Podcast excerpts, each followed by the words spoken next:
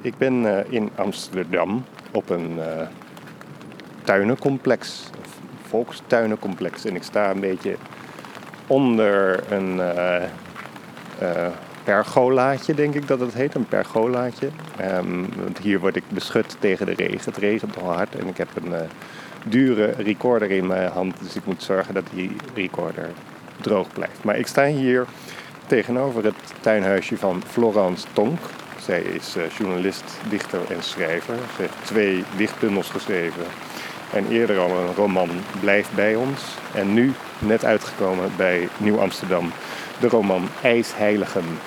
Over twee halfbroers um, die naar elkaar op zoek gaan. En um, over familieverbanden en verschillende wereldbeelden. En daar ga ik met Florence over spreken. Maar eerst moet ik, je hoort de regen al uh, driftig tikken. Eerst ga ik nu door de regen naar het volks, uh, naar het tuinhuisje lopen van Florence Tonk, waarbij ik de recorder droog ga. Dat ga ik nu doen. Momentje.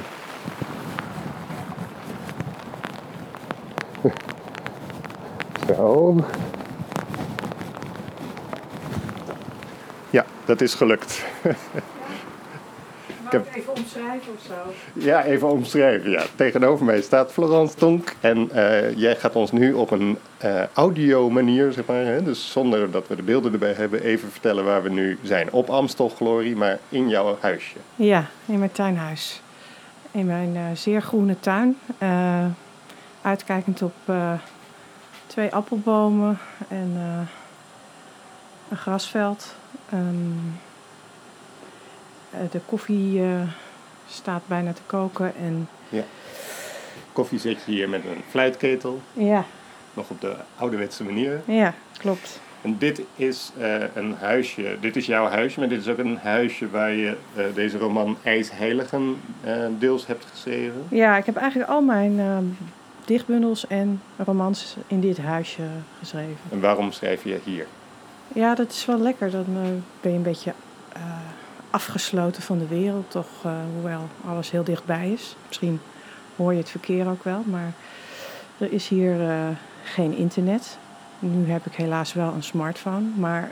Um, dus ja, geen wifi? Nee. Nee. Ook geen uh, elektra. Ik heb wel een zonnepaneel om mijn laptop op te laden. En ja, het is gewoon helemaal mijn, mijn werkruimte dit eigenlijk. Ja helemaal mijn plek. Niet alleen jouw plek, het is ook de plek van een van de twee hoofdpersonen in de roman IJsheiligen, ja. Meindert. Ja. Hij woont in een dergelijk huisje. Ja, en hij heeft zelfs een oude vergiet als uh, lampenkap. Ja, dat moeten we natuurlijk even uitleggen. Dus tegenover ons hangt aan het plafond, of aan een balkje eigenlijk, hangt een, uh, een snoer met uh, een lampje eraan. En als lampenkap eh, is dan aangebracht een omgekeerd vergiet. Van emaille, ja. Van emaille. Net als in het boek. Ja. dus vrienden van mij die het boek hebben gelezen beginnen heel hard te lachen tegenwoordig als ze het huisje binnenkomen. Ja, ja. Laten we die twee broers uh, even beschrijven. Dus er is Meindert en er is Erik. Erik is de halfbroer van Meindert. Hij uh, is zich op een gegeven moment uh, Harry, of hij is Harry genoemd door zijn vader. Hij ja. heet echt Harold, van ja. tweede naam. Ja. Um, schets even die twee halfbroers en de zoektochten die wederzijds plaatsvinden in jouw boek. Nou, ze, ze, ze um, zijn nogal tegengesteld. Um, Meijnerd die uh, probeert eigenlijk zo minimalistisch mogelijk te leven. Want die heeft een droom om ooit een keer uh, uit Nederland weg te gaan naar Corsica. Ja. En die is daarom in zijn tuinhuis gaan wonen, want daar zijn de lasten nogal laag. En uh, hij heeft een soort klusbedrijfje samen met een vriend. En iedere cent probeert hij opzij te leggen. Dus hij is ook een beetje vrekkig. En Harry is, uh, ja, is een topadvocaat aan de Zuidas. Dus die, uh, en die boert nogal goed.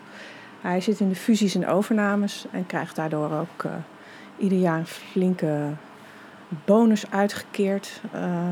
of meerdere malen per jaar. hij is partner ook van dat grote advocatenkantoor. En ja, hij houdt van luxe. Hij, hij vindt dat hij uh, ver gekomen is. Dat is hij ook. Hij had een hele eenvoudige vader. En uh, Hij heeft zich omhoog geknokt. Altijd een beetje als buitenstaander. Hij werd eigenlijk ook wel een beetje gedreven door, uh, door wraak. Van, ik zal ze zijn poepje laten ruiken. Mm-hmm. En ja, hij laat het ook lekker breed hangen, zeg maar. En hij heeft eigenlijk ook zoveel geld dat hij, dat hij ja, dat hij twee auto's heeft en een motor en een hele luxe fiets. En hij heeft op een gegeven moment het huis van zijn buren erbij gekocht. Zodat, en dan ook alle zolderverdiepingen. Echt zo'n Amsterdams rivierenbuurthuis met een... En heeft daar laat hij op een gegeven moment dus die Meindert een, met zijn klusbedrijf een dakterras... Of een daktuin wil hij dat het heet. Uh, laat hij daarop zetten.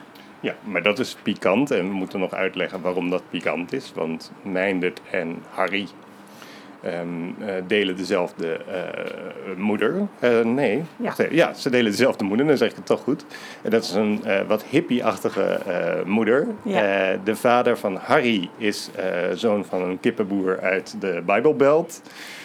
dus die komt uit dat klimaat. Terwijl de vader van Meindert is nou, niet Noord-Afrikaanse man, hè, als ik het even zo goed schets niet duidelijk uh, waar die precies vandaan komt. Hij weet ook niet meer. Maar, ze hebben dus wat dat betreft dezelfde moeder, andere vader. En Harry is op vijf, zesjarige leeftijd. Drie, drie. Driejarige leeftijd zelfs. Um, meegenomen door de vader. Ja. Naar de omgeving van Harderwijk. Ja. Um, uh, waarbij hij steeds verder verhuist, steeds verder het bos in, hè, dus steeds verder van de mensheid af. En zo heeft Harry dus zijn eigen leven geleid. Um, uh, en uh, um, is Meindert met zijn moeder in Alphen. Jouw geboorte? Mijn geboorte. Nou, ik ben geboren in Harderwijk. Oh. Dat is zo grappig. Oh, ik ben geboren in Harderwijk, opgegroeid in Alphen. En beide oh, plaatsen. Oh, uh, ja, ja. Maar goed, zo dus delen die moeder, andere vader, apart van elkaar opgegroeid. Ja. En hebben in het verleden al ehm, toch meerdere, er zijn meerdere zoektochten uh, hebben plaatsgevonden. Hè? Dus de moeder heeft een zoektocht ondernomen. Harry heeft een zoektocht ondernomen. Ja. En nu onderneemt Meindert een zoektocht. Ja. Dat is even de context van ja. dit verhaal. Terwijl ja. de koffie volgens mij koopt. Dus je mag dat gewoon ondertussen doen. Dan okay. praten we gewoon door. een soort actiepraat. Jij zet koffie en tegelijkertijd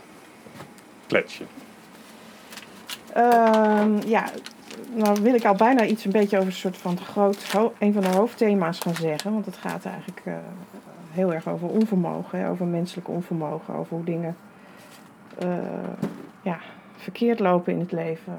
Terwijl je dat eigenlijk helemaal niet wil.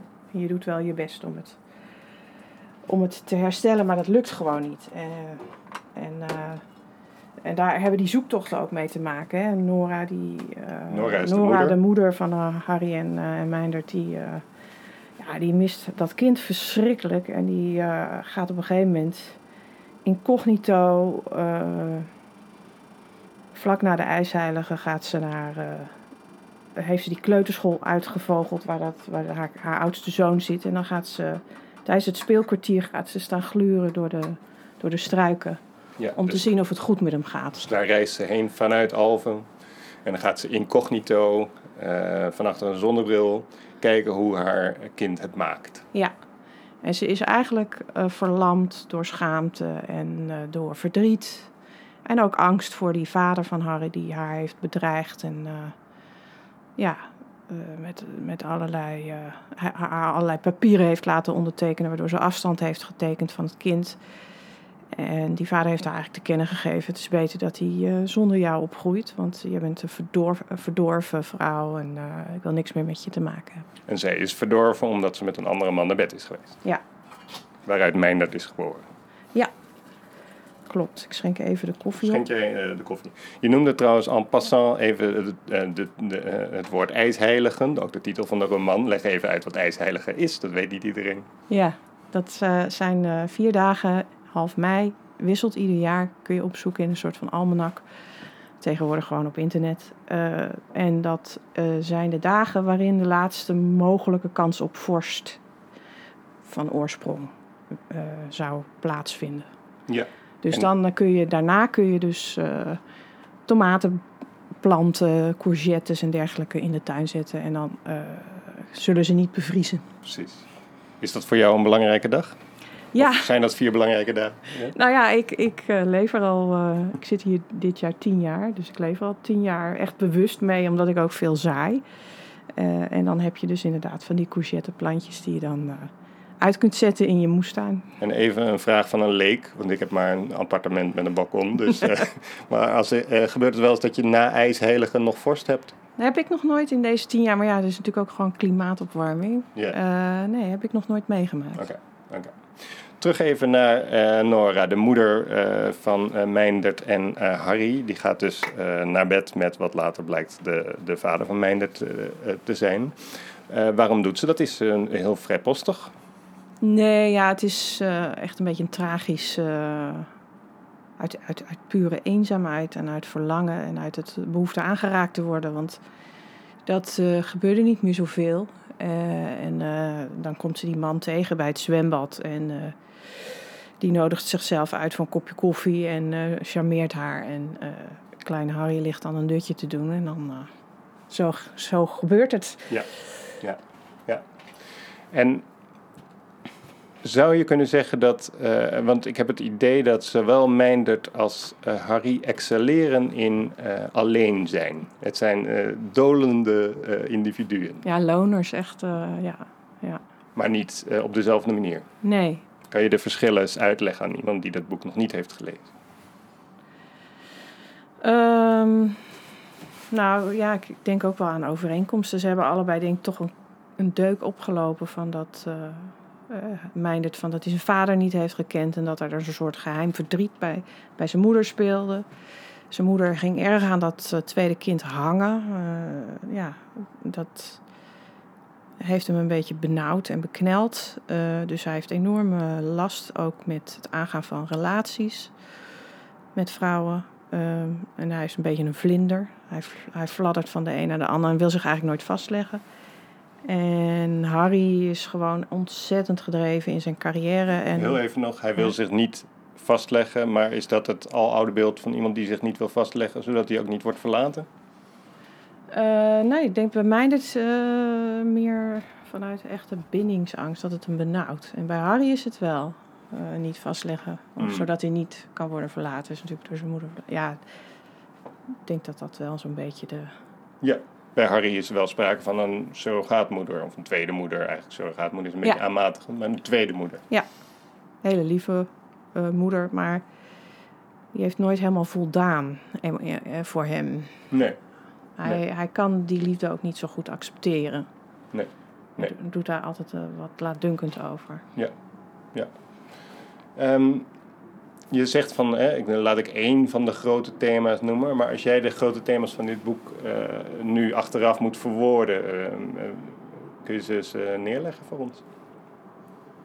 Nou, het, eenzaamheid en eenzaamheid in de, in de veranderende stad, hè, in deze tijd, waarin, waarin je eigenlijk andere, andere surrogaten zoekt, een soort afgoden bijna voor om, om, die, om dat gat op te vullen. Dat komt op een gegeven moment ook tegen. In, kom je dat tegen in een dialoog. Dus welk, welk gat wil jij vullen? Mm -hmm. Zegt dan de een tegen de ander. En de een vult het met geld en de ander vult het met een soort eeuwig zoeken. Ja. Uh, en dat is, zijn wel thema's die ik heel erg om mij heen zie ook. Uh, natuurlijk bij uh, mijn eigen vrienden en, ja. en bekenden. Zullen we de koffie gaan neerzetten en zo over die gaten gaan doorpraten? Ja. Lijkt me heel goed. Wil je melk? Nee, dankjewel. Nee. Suiker? Nee, ook niet. Gaan we op de veranda zitten? Op de veranda. Ik ga vertellen, ik loop hier uh, nu naar buiten en er is een afdakje en er staan twee stoelen. En op de achtergrond horen we duidelijk een, een soort ruis. En die ruis is uh, verkeer dat hier. Uh, we zijn dus in Amsterdam, in Volkstuinencomplex Amstelglorie. En het verkeer rijdt hier eigenlijk vlak langs. Dus dat hoor je eigenlijk als een soort ruis voorbij komen. En Florence, dat staat eigenlijk bijvoorbeeld, dat staat op meerdere plekken in je boek, maar bijvoorbeeld ehm, hier in hoofdstuk 35 wortelkluit. En dan kan je misschien wel even de, de, eerste alinea alleen even voorlezen. Want dat past eigenlijk heel goed bij de ruis die we nu op de achtergrond horen als we hier zitten. Ja. Achter de kalende struiken, de sloot en de laatste rijen tuinhuisjes raast de stad voort. Schurend metaal van treinen en metro's die afremmen bij een van de kleinere stations langs de ring. Het ritme van rubberen autobanden op richels in de brug, een scheurende motorfiets. Het heeft een paar dagen flink gewaaid en met steeds minder bladeren aan bomen en struiken wordt het pijnlijk duidelijk hoezeer deze plek een fantasie blijft van een huisje buiten. Langs de ringweg in de verte ziet Meindert tussen de takken door het blauw en wit van de bovengrondse metro schieten.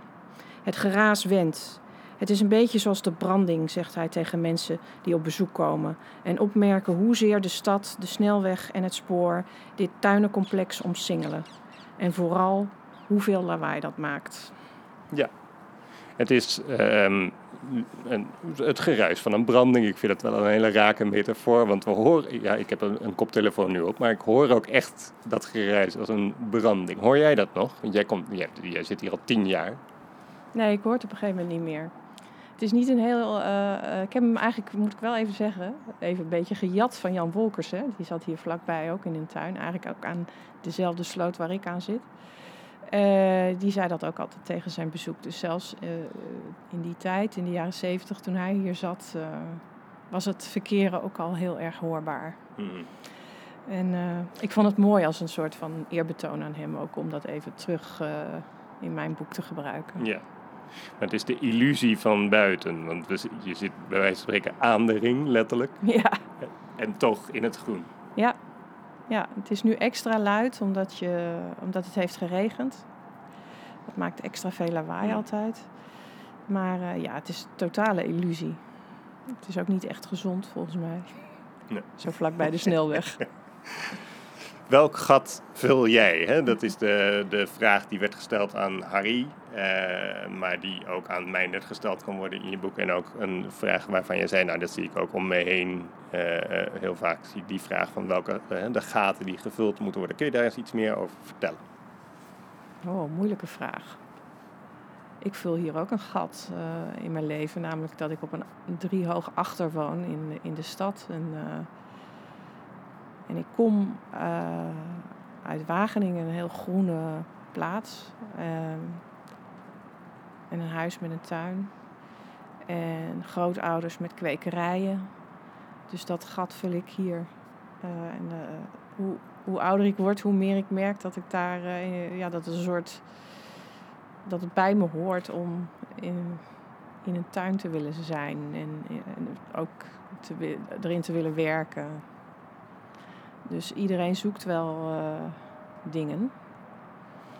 En wil, wil betekenis geven aan zijn leven.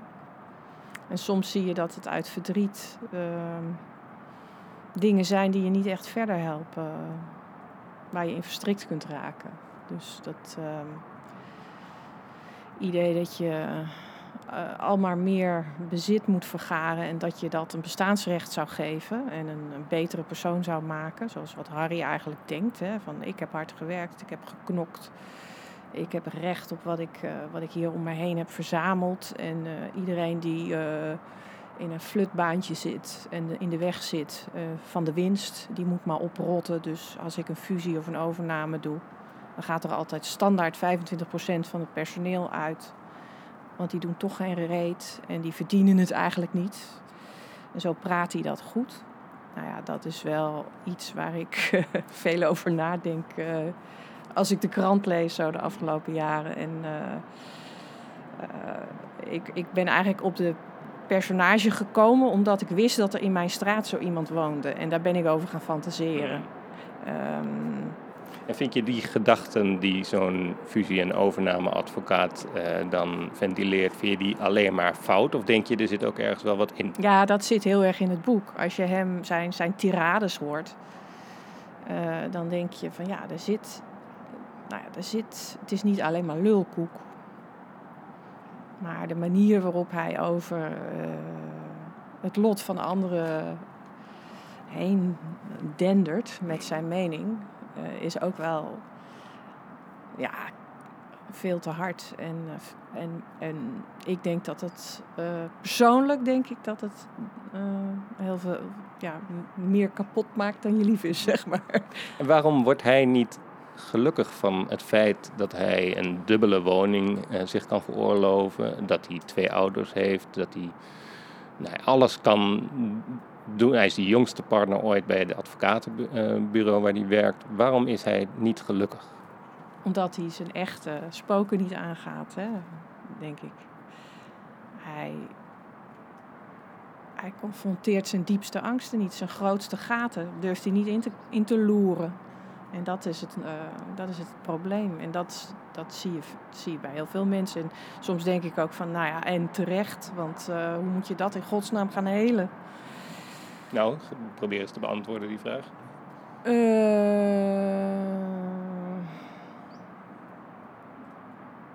ja, dat kan ik niet. Nou, laten we eens Meindert erbij pakken. Dus eigenlijk de, de, de, de tegenpool. Die eh, een droom heeft van, eh, wat je al vertelde, hè, om zich te vestigen op Corsica. Die dus eh, heel erg zuinig leeft en op zo'n volkstuintje woont voor een huur van 50 euro per, wat was het, kwartaal, maand? Maand. maand. Eh, 50 euro per maand een klusbedrijf heeft en dat geld zo allemaal opzij zet. En dus heel basic leeft in een illusie van buiten wonen. Maar toch buiten wonen, min of meer. Mhm. Hij woont toch buiten, kan je zeggen. Ja. Ehm, eh, is Meindert gelukkiger? Nee. Nee. Hij gaat ook. eh, hij, kan zich niet verbinden. Kijk, dat is natuurlijk gewoon het andere grote thema in het boek. Dus dat je je niet kunt verbinden met anderen. En Dat je dat niet durft vanuit je beschadiging. En dat je dan godvergeten eenzaam bent uiteindelijk. Eh, dat je eigenlijk met niemand alles durft te delen. Ehm, en dan maakt het niet uit of je in een huisje op een volkstuinencomplex woont of in een dubbel penthouse eh, in Zuid. Ja, dat deel je dan. Maar dan denk je, twee halfbroers, verschillende vaders, dezelfde moeder, eh, hebben hè, de, de ene halfbroer heeft de andere al geprobeerd te zoeken, ehm, heeft toen wel zijn moeder gevonden, maar is toen weer hard weggerend. Als je wil weten waarom, moet je het boek lezen.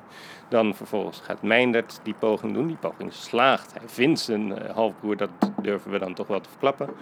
Ehm, dan zou je zeggen, eind goed, al goed, maar het gat wordt daarmee niet opgevuld. Het blijven twee dolende individuen.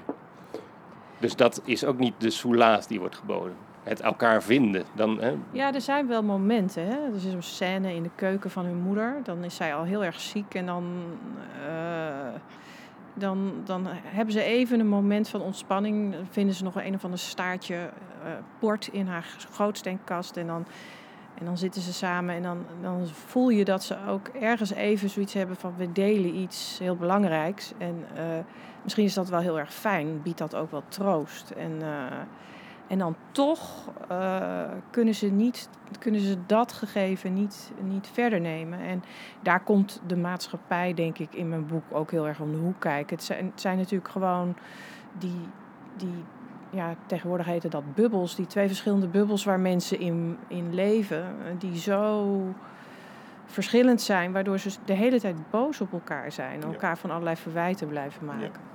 Maar die ene bubbel snap ik, dat is de bubbel van eh, rijkdom, eh, carrière maken, eh, de, de, de steeds hoger opkomen, beter zijn dan anderen, het competitieve. Maar wat is die andere bubbel? Die andere bubbel is de bubbel van het eeuwige verlangen. van de romantiek, van het wonen in een tuinhuisje, van het verlangen naar een eh, zelfgebouwd, volledig eh, eh, autonoom zonnepanelen toestand in, op Corsica met je eigen biologische tomaten. En, en, en, en, en die ene perfecte vrouw die, die, die onvindbaar is. En, dan maar, en dat maar blijven zoeken in iedere vrouw. Ja. En, en die ook heel regelmatig krijgen. En dan denken, oh nee, er is toch nog weer wat beters ergens. Ze delen eigenlijk allebei het verlangen naar dezelfde vrouw, Mireille. Ik bedoel, dat, dat is dan de perfecte vrouw eigenlijk.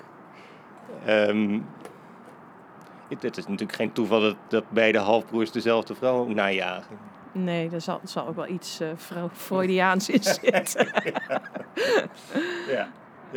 Ook onbereikbaar, dus lekker veilig om naar te verlangen. Hè. Ze is gebonden, dat geeft ze ook heel regelmatig aan. Dus, uh, dat is, uh, en, maar het is ook een hele lastige vrouw. Want het is ook zo'n hele moderne vrouw die deed het zegt van... ja, maar we kunnen toch gewoon vrienden zijn? En, en die mannen die willen dat maar niet geloven. Want die denken, nee, maar jou verover ik nog wel een keer. Echt die tragiek uh, die, die, die, ik ook wel ken in mijn leven. Van, ja, die, die zit in die relatie. En ik, dat is ook een mooie manier om, om hun eigenlijk samen te brengen en tegelijkertijd ook weer tegenover elkaar te zetten. Ja, ja. Vind je het, um, omdat je schetst dus twee grote bubbels, um, heeft jou dat, of berooft jou dat zeg maar van illusies? En ben jij somber over de huidige tijd? Ja, wel een beetje, ja. ja. Want ik vind ze geen van beide eigenlijk een, uh, een optie. Um, ja, stemt me wel somber. En het is eigenlijk, uh, dit boek is nog heel erg vanuit de economische crisis en de reactie daarop geschreven. En, uh, en de, de, de groeiende tegenstellingen in de samenleving ook tussen, tussen arm en rijk. En een soort van ik, ja, excuses die daarvoor worden gemaakt. Van, uh, als je maar hard genoeg werkt, dan, dan, dan kan, je, kan iedereen succes hebben. En als je dat niet doet, dan ben je een loser. Mm -hmm. uh, daar wilde ik heel graag iets over schrijven, over die psychologie.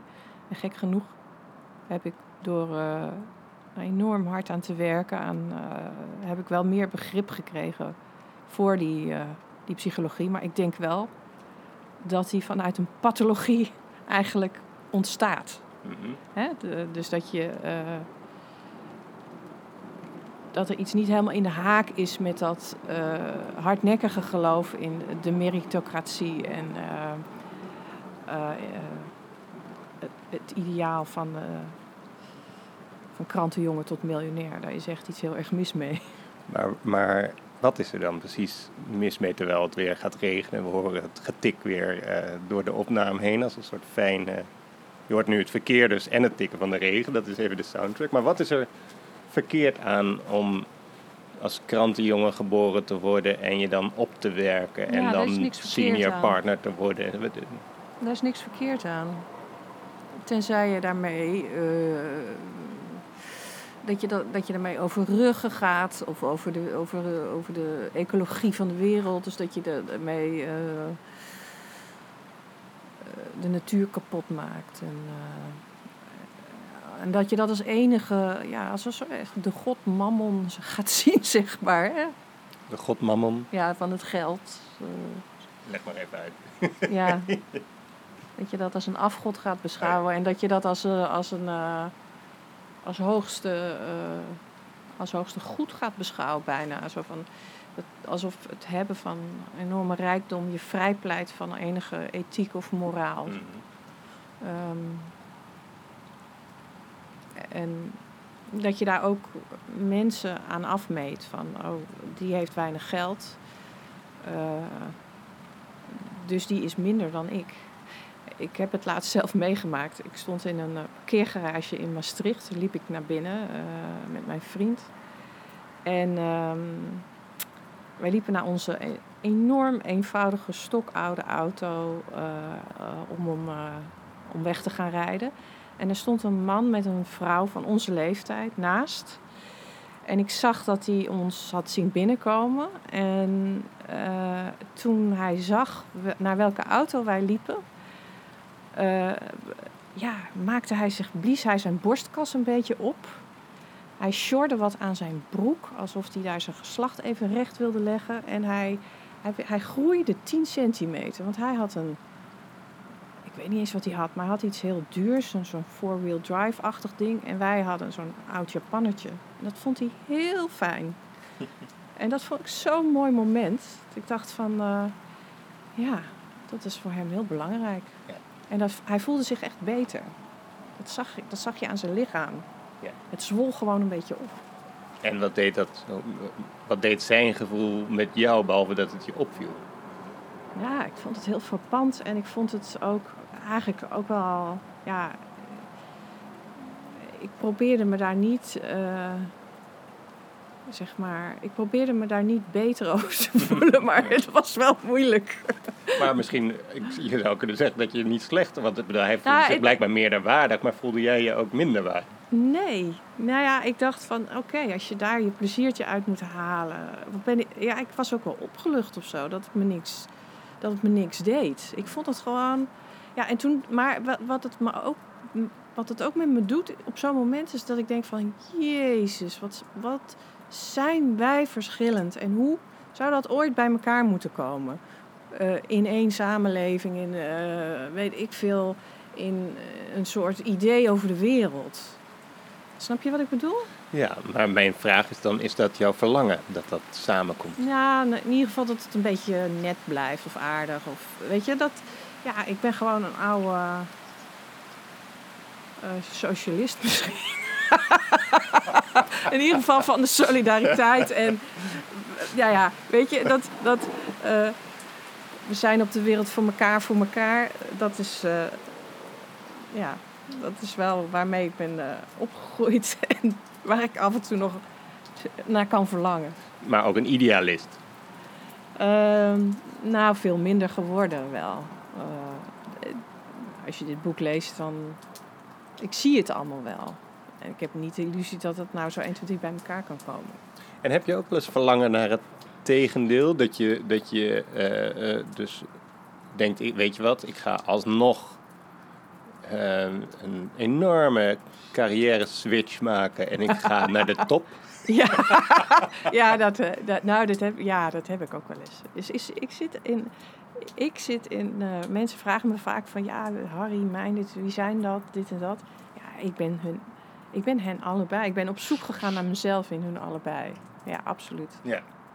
En uh, bijvoorbeeld dat hele verhaal van de sociale stijging, dat zit ook in mij, uh, uit, waar ik vandaan kom. Uh, en dat je daardoor altijd vreemde voelen. Vertel kort iets, je zei al Wageningen, maar vertel kort iets van waar je dan vandaan, wat voor klimaat kom je? Um, milieu, wat voor ja, milieu? nou, het is een beetje een gemengd milieu. mijn, mijn ouders komen allebei uit tuindersfamilies, maar mijn vader komt uit een soort meer wat soort van groot grondbezitters, lokaal, uh, goede familie, kostschool, uh, opleiding. En mijn moeder die komt uit een familie waar ze op haar zestiende uh, als kindermeisje moest gaan werken en dat geld moest geven aan haar vader en tot ze ging trouwen. Um, ja, huishoudschool. Um, ja, mijn oma snapte ook nooit wat ik deed toen ik ging studeren. Dus ze dacht altijd dat ik verpleegkundige was of zo, want dat was echt het hoogst bereikbare. Dat was al heel deftig als je, uh, als je zuster was of verpleegkundige. Dus dat, en ik ben als eerste, denk ik, zo'n beetje gaan studeren. Zeker als eerste vrouw. Dus uh, dat is waar ik vandaan kwam. En dat, maar die, die, dat splijten tussen die twee sociale milieus, dat zit ook in het huwelijk van mijn ouders. Is daar waarschijnlijk ook op stuk gelopen. Mm -hmm. uh, dus dat is wel iets wat mij uh, altijd heeft uh, gefascineerd. Ik ben ook sociologie gaan studeren na de middelbare school, omdat ik dat wilde doorgronden. En ik was heel erg verward over wat voor uit wat voor klasse ik kwam. En in mijn jeugdige idealisme op een soort linkse middelbare school in Wageningen dacht ik dat ik uit de arbeidersklasse voortkwam. maar dat was helemaal niet zo. Want ik was opgegroeid met de VARA en de VPRO. En mijn vader draaide alleen maar klassieke muziek. Dus dat viel eigenlijk ook, weet je, dat was heel, heel genuanceerd. Maar um, ja, dat is wel, eh, klas is een enorm thema. En, uh, en eigenlijk is de beste definitie van klasse niet de marxistische um, definitie. Mm. Maar dit voert misschien te ver hoor, voor de radio. Maar een van de boeken die mij tijdens mijn studie heel veel indruk op me heeft gemaakt is... Uh, uh, van Pierre Bourdieu, zo'n standaardwerk over uh, de, de verschillen tussen mensen. En dat gaat over ja, hoe mensen zich proberen te onderscheiden van elkaar. En hoe dat ook met macht te maken heeft. En dat zit enorm in dit boek. Ja, dat zit enorm in. Dus dat is toch wel heel erg relevant. Ja, dus eigenlijk een beetje de socioloog in mij die, uh, Ja. die omhoog kwam toen ik, dit, uh, toen ik dit boek schreef. Nou, en de vraag um, is misschien ook wel gerechtvaardigd, dan weet ik eigenlijk wel zeker van waarom is het zo belangrijk voor iemand om zich te onderscheiden? Is om macht uh, te, he te, hebben. Om, om, uh, om, te zeggen van, uh, nou ja, bijvoorbeeld als je, zoals ik, met al mijn boeken en mijn,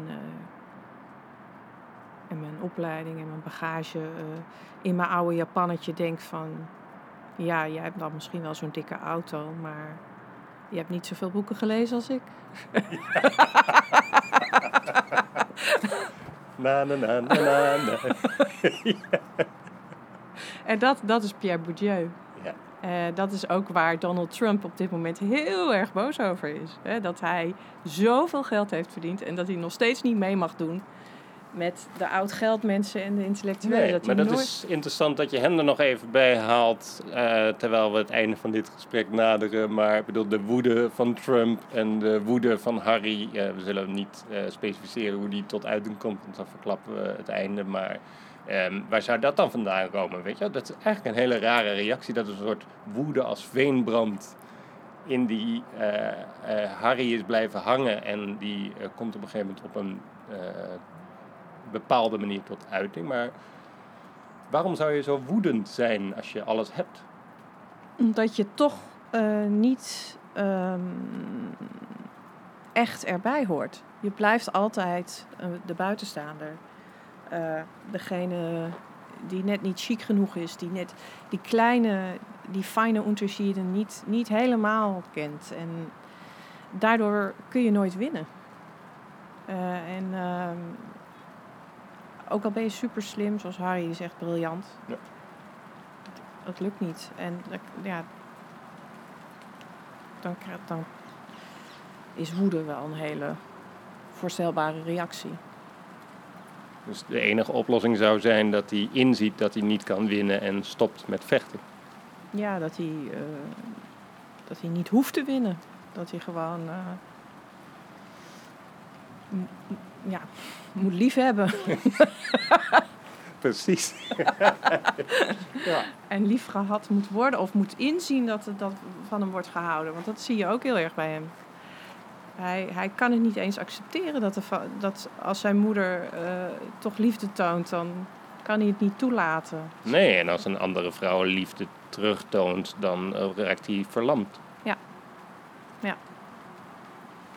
Dus uh, dat is gewoon vanuit een hele diepe beschadiging, een hele diepe pathologie.